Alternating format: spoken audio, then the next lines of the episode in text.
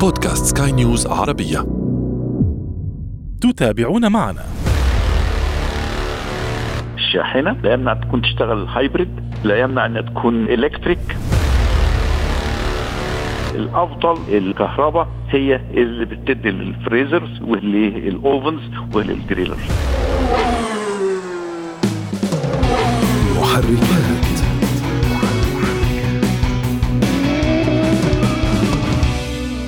المقطورات المتنقلة عربات الطعام شاحنات الطعام أو food truck ايا كانت تسميتها. هي أكثر بكثير من مجرد شاحنة ديزل. فإذا كنتم ممن يفكرون في هذا المشروع دعونا اليوم نتعرف على بعض خصائصها الفنية.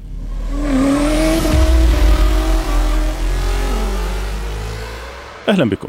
أنا أشرف فارس وكما العادة أصحبكم في برنامج محركات للحديث عن أبرز ما يهم سائقي المركبات أو حتى راكبيها. إذا موضوعنا اليوم عن المطعم المتنقل، هذا الحل السحري للكثير من مشكلات الاستثمار، المساحة والأرض والإيجار وحتى عدد العمالة، لكن بعيدا عن الزاوية الاستثمارية هنا، لا بل بالأحرى ربما في صميمها، تكلفة العربة نفسها وصيانتها هو الأساس في هذا الاستثمار، وهو من التفاصيل الخفية في حسابات المشروع. هذه التفاصيل التي يمكن أن تفاجئ المستثمر سواء عند بداية المشروع أو في منتصفه وبعد أن تقع الفأس في الرأس كما يقولون. التكلفة الحقيقية لعربة الطعام يمكن أن تختلف جذريا حسب الاستخدام المطلوب منها وحسب الصيانة الدورية لها، هذا الأمر يمكن حتى أن يوقف المشروع بأسره إذا لم تتم مراعاتها بالشكل الصحيح.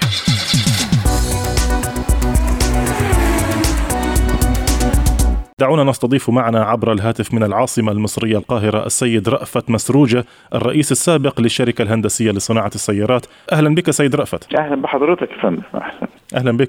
سيد رأفت يعني من منطلق عملك أنت في في مصنع في صناعة السيارات سابقا وصناعة المحركات والمركبات.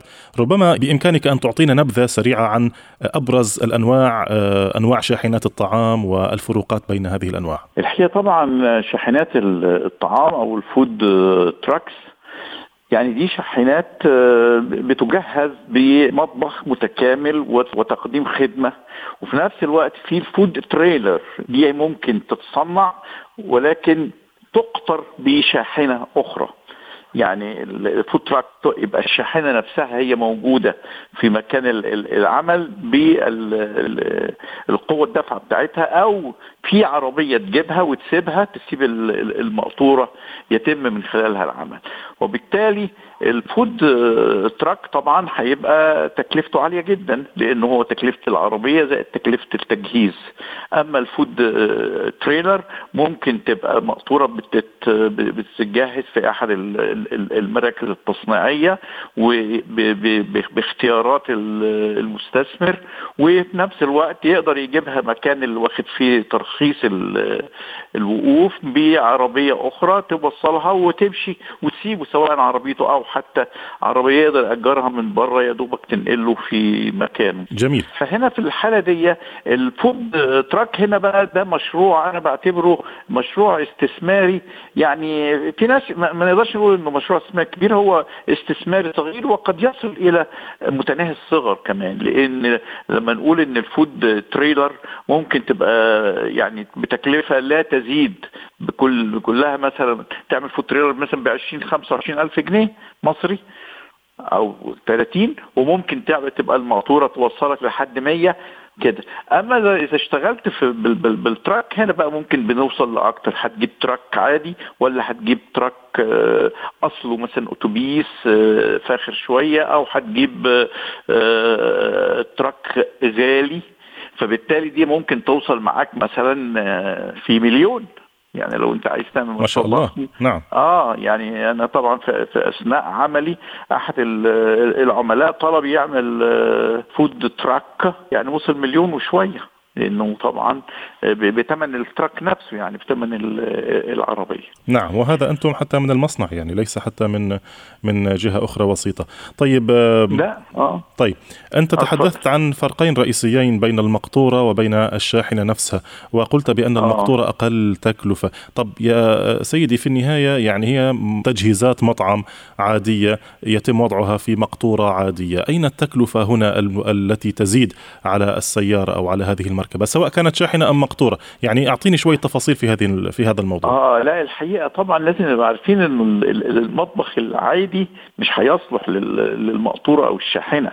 يعني مثلا لو جينا نشتغل مثلا في الفري في الفريجيدير مثلا أو في الثلاجه مش هي الثلاجة العادية بتاعتنا دي مش هي الثلاجة اللي بنحطها في البيت لأن دي ثلاجة بتبقى آه نقول عليها إيه آه مش soft use دي hard لأنه طبعا انت واقف في الشارع بتفتحها وتقفلها كتير فلازم بتبقى قدراتها التبريدية وقدراتها على تحمل ال ال ال الأعباء الإضافية عليها أعلى فبتبقى أغلى كتير. لما لازم نعمل فيها generator عشان يولد كهرباء. ال generator ده ممكن ال generator ده يبقى منه القدرة اللي هي بتشغل ال generator. ممكن تبقى قدرة مثلا بتعمل بغاز بتعمل ببنزين بتعمل بأنواع أخرى من الوقود. مثلا لما نيجي نعمل التخطيط لابد إن المكان اللي هيتعمل فيه ال oven مثلا أو هيتعمل فيه الجريل أو هيتعمل فيه حاجة لازم بنعمل حسابات تأمينية ومواد تأمينية خاصة. وبالتالي المقطورة أو الشاحنة المجهزة مطبخ فيها اختلافات كتير عن انك بتعمل حاجة في في, بيت في, في residence يعني. طيب. فرق. طيب تمام. أه عندما أنا أذهب لتحويل هذه الشاحنة هل أرخص لي والأفضل لي؟ أنت الآن عفوا تحدثت عن بعض التفاصيل أنا أحاول أن نفهم المستمع كيف بإمكانه أن يخوض في هذا الغمار سواء كان بنفسه لا أقول أن يعمل بيده لكن بنفسه أن يشتري المواد واحدة واحدة أو لمن يذهب على سبيل المثال إلى مصنع أو إلى ايا كان. في مصر هناك مصانع طبعا لتصنيع السيارات لكن هذا الأمر ليس متوفرا في كل دول العالم. آه، فربما يحاول أن يقوم به مثلا عند شخص آه، فني على سبيل المثال آه، شخص لديه القدرة على تحويل مركبات. يعني خلينا نمسكها قطعة قطعة. أنت تحدثت عن الثلاجة. هناك ثلاجات مخصصة لل لشاحنة الطعام. أه، وهنا تحدثت أيضا عن المولد مولد الطاقة الذي يمكن أن يتم إضافته إلى المقطورة على سبيل المثال. ماذا أيضا سوف أحتاج لكي أبحث عنه لكي أضيفها إلى هذه المقطورة؟ وأين أهم سؤال أين أجد هذه المواد؟ لا المواد متاحة في مراكز تصنيعية متوفرة. وبعدين موضوع ال food truck وال food trailers النهارده من حوالي نقدر نقول في آخر ثلاث سنين بقت لها انتشار كبير جدا عند الشباب اللي هو بفكرة إنه الشغل المكتبي أو الشغل التقليدي مش متاح ليه فابتدى يفكر في ال food truck أو ال food trailer وفي نفس الوقت الحكومات بتساعد يعني الحكومة المصرية طبعا بتساعد بتخصص أماكن متكاملة بتخصص ميادين بتخصص له بنية تحتية بحيث إنه يجي يقعد يجيب ترخيص ويقعد في الحتة دي. فالعربية أو المقطورة اللي عايز يعملها ممكن يعملها عربية ليها شكل جمالي وليها قدرة على جذب العميل مش مجرد صندوق أو مش مش مجرد box بيحط فيه شوية appliances لأ. ففي الحالة دي دي برضه بتكلف. ما ننساش كمان إنه لازم يكون المقطورة دي أو إذا كانت هتتركب على العربية نظام العزل بتاعها بيبقى عالي جدا مش لازم تبقى قابلة للحريق بسهولة.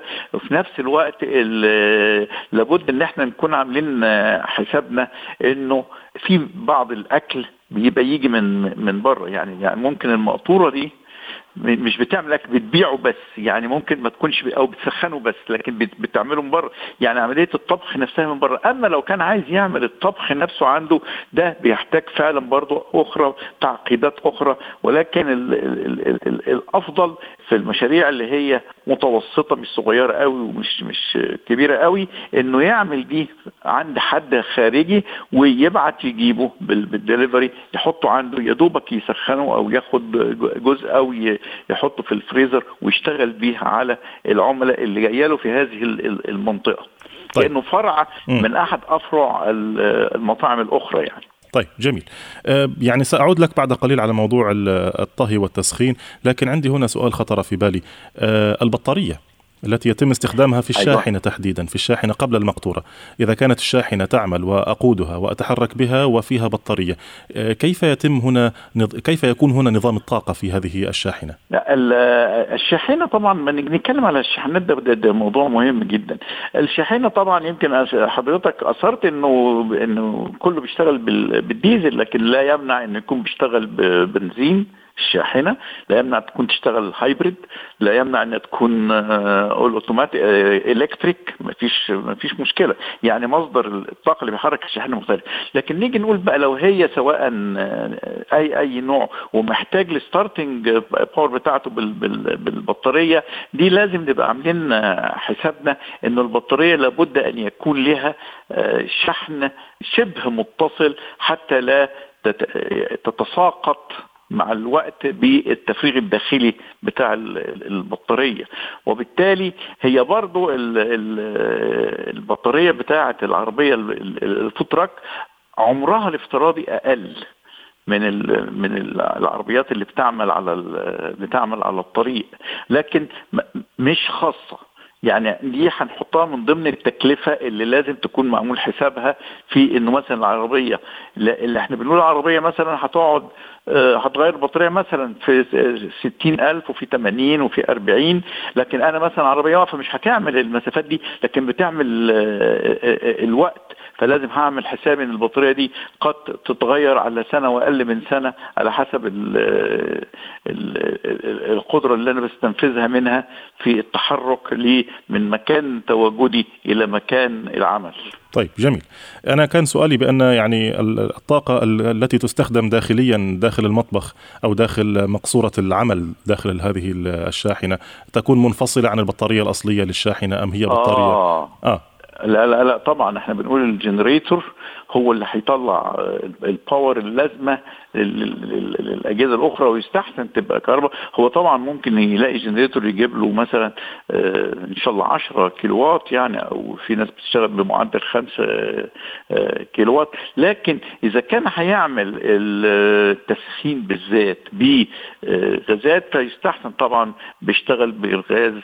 في ناس طبعا هتقول لك اشتغل بالبروبين أو البوتاجاز أو هشتغل بال LPG مثلا هو ال liquid petrified gas ده لكن الأحسن إنه يعني أنا يعني رأيي لو كنا بنسمع ما نستخدمش غاز شعلة. يعني غاز له القدرة على إنه ينتقل بال convection يعني. وبالتالي آه، يعني أنا أفضل إن يكون كل الطاقة اللي بتدير الأجهزة داخل المقطورة أو داخل إذا كانت كهرباء هتبقى أحسن. أما إذا كان مضطر نتيجة دراسات الجدوى اللي هو عاملها يبقى حريص جدا جدا إنه يعني يستحسن يشتغل بالبروبين طبعا.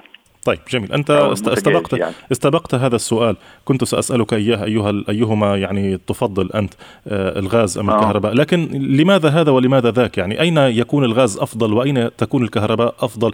نتكلم هنا على صعيد الاستهلاك وعلى صعيد آه القطع الغيار وعلى صعيد حتى العملانية.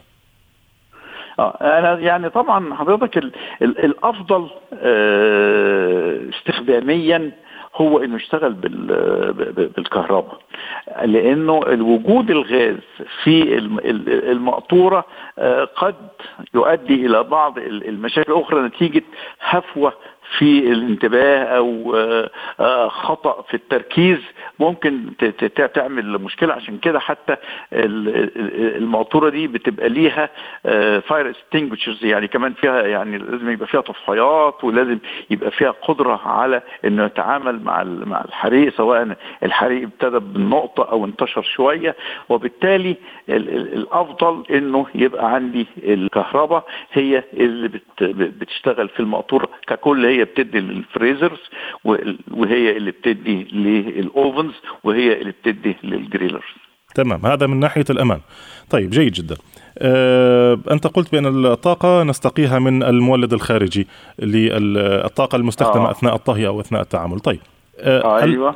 المواصفات الفنية للشاحنة، المواصفات الميكانيكية للشاحنة آه. فلنقل المتوسطة، لا نقول بأنها شاحنة آه كبيرة جدا أو غالية جدا ولا نقول بأنها سيارة آه شاي وقهوة، شاحنة متوسطة. آه شاحنة متوسطة. هو الشواحن المتوسطة هي الشاحنة اللي إحنا بنسميها آه، نص نقل يعني اللي هي الفيلود بتاعها آه، بيبقى في حدود الطن طن وشوية طن وربع طن ونص بالكتير. فدي الشاحنة اللي بتعرف تقريبا 80% من ال من ال food trailers بتحاول تشتغل عليها.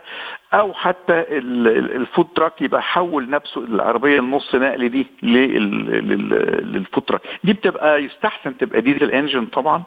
آه، يستحسن كمان إن العربية دي تبقى يعني green آه، car على قد ما يقدر يعني الديزل engine اللي بيشتغل بيه يبقى حريص تماما انه يدي كل ال ال الاضافات اللي تسمح بانه العربية دي وهي واقفة في المكان أو بتتحرك لابد ان تكون عنوان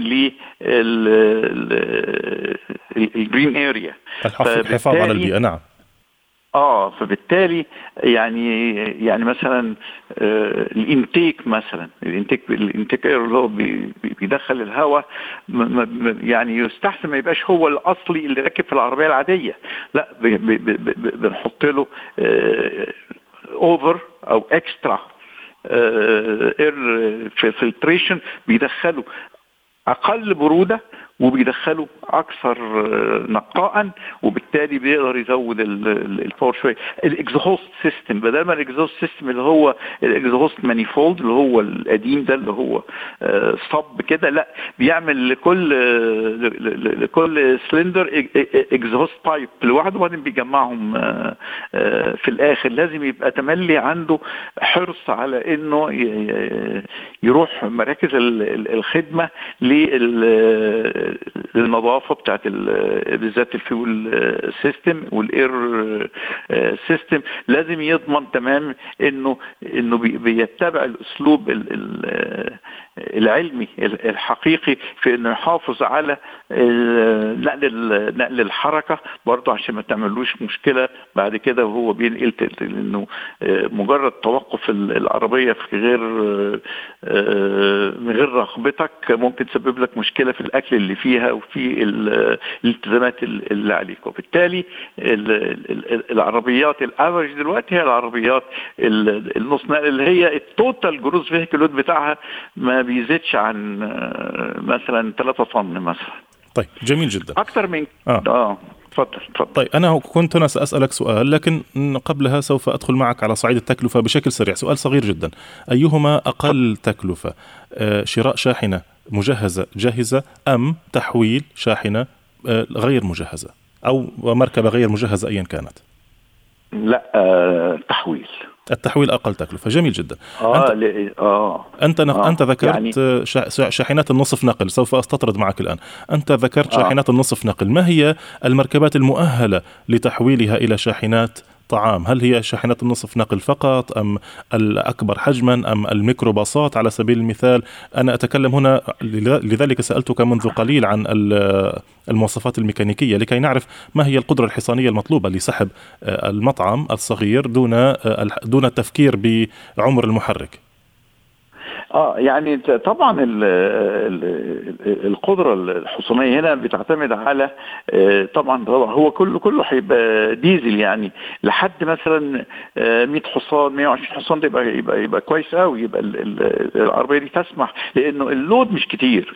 أنت عارف إنه العربية لما نقول ال payload بتاعها 1 طن أو 1.02 طن كده ده معناه إنه يقدر يشيل دي. لكن لو الشاحنه دي آه، علشان تقطر آه، مقطورة ممكن تاخد مقطورة وزنها بإجماليها مقطورة مجهزة وزنها بإجماليها مثلا 2.5 طن أو 3 طن لأنه عملية النقل أقل عبء على المحرك من عملية التحميل المباشر على الأجساد.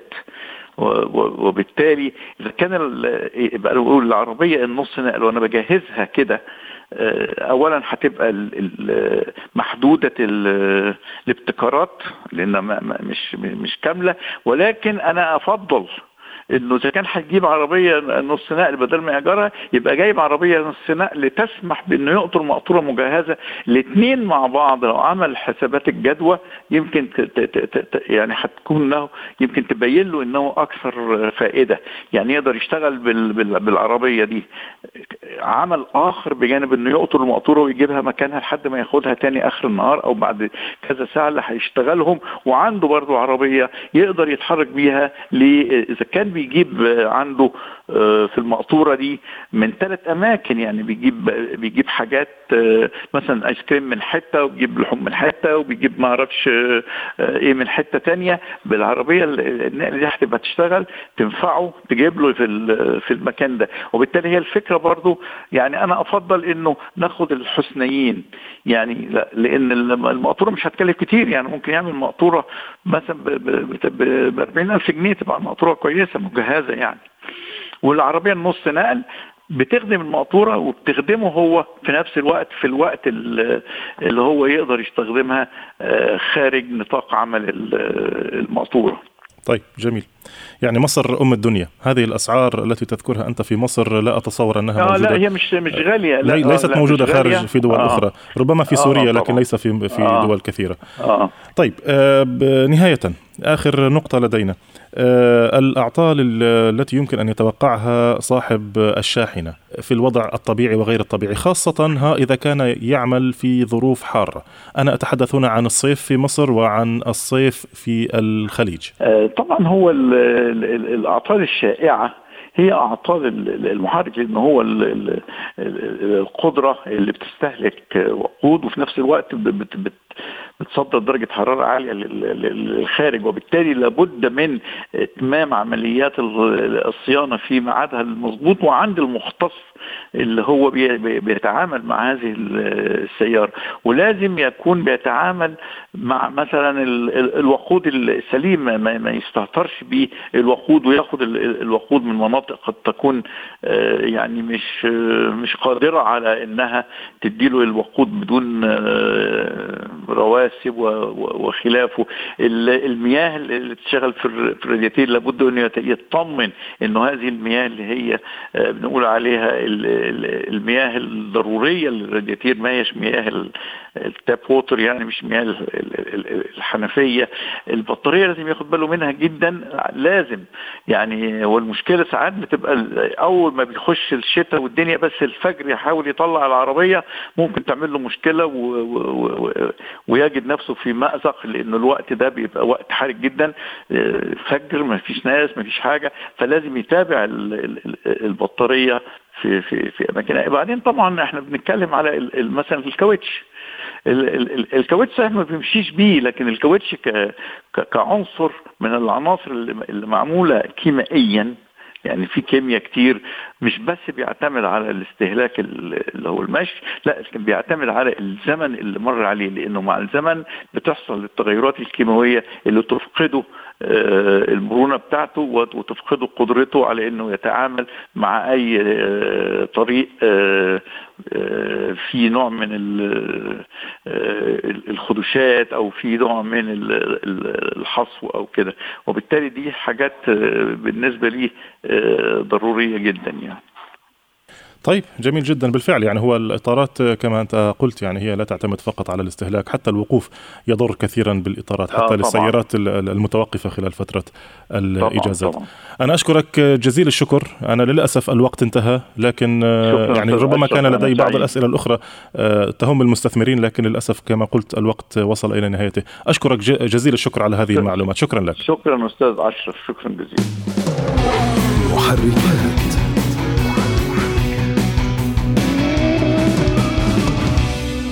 إذا كان معنا من العاصمة المصرية القاهرة السيد رأفت مسروجة الرئيس السابق للشركة الهندسية لصناعة السيارات. وأنتم مستمعين الكرام إذا حاز هذا البودكاست على استحسانكم يرجى منكم إعطائه التقييم المناسب. وإذا كانت لديكم أي تعليقات أو تحسينات يمكن أن نضيفها إلى برنامجنا. دائما يسعدنا أن نستقبلها في رسائلكم إلينا أو في تعليقاتكم أسفل هذا البودكاست. إذا كنتم تتابعونه طبعا عبر منصتي أبل أو جوجل. كان معي في الإخراج الفني إيدي طبيب في الإعداد والتقديم. كنت معكم محدثكم أنا أشرف فارس. مرة أخرى نشكركم على حسن المتابعة. دمتم دائما وأبدا. في أمان الله. مع السلامة.